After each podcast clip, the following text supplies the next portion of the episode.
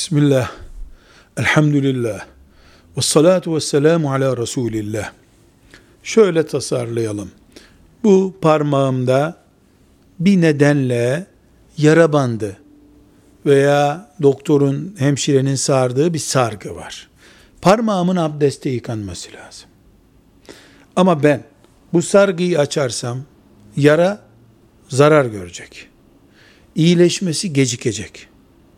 Hemşire hanım da açma demişti. Yarayı açmam. E, parmağımın abdeste yıkanması lazım. Suyun altına olduğu gibi koyarım elimi. Yara bandının üzerinden, sargının üzerinden yıkarım. Su aşağıya zarar verecek.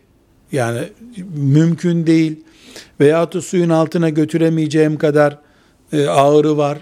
O zaman yarayı sardığım şey, bant veya sargı her neyse oraya sıra geldiğinde mesela parmaktı, mesela koldu, ayaktı. Sıra geldiğinde elimi ıslatırım. Başıma mes ettiğim şekilde o yaranın üzerinden de mes ederim. Aynen yıkamış gibi olurum. Buna yara sargısı üzerine mes etmek denir.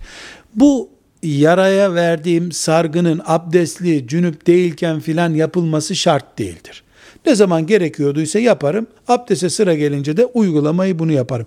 Yara iyileşince bu sargıya bir daha etmek caiz değil. Mesela doktor 5 gün sonra bunu çıkaracaksın dediyse 6. gün bunu bir daha mesedemem o zaman.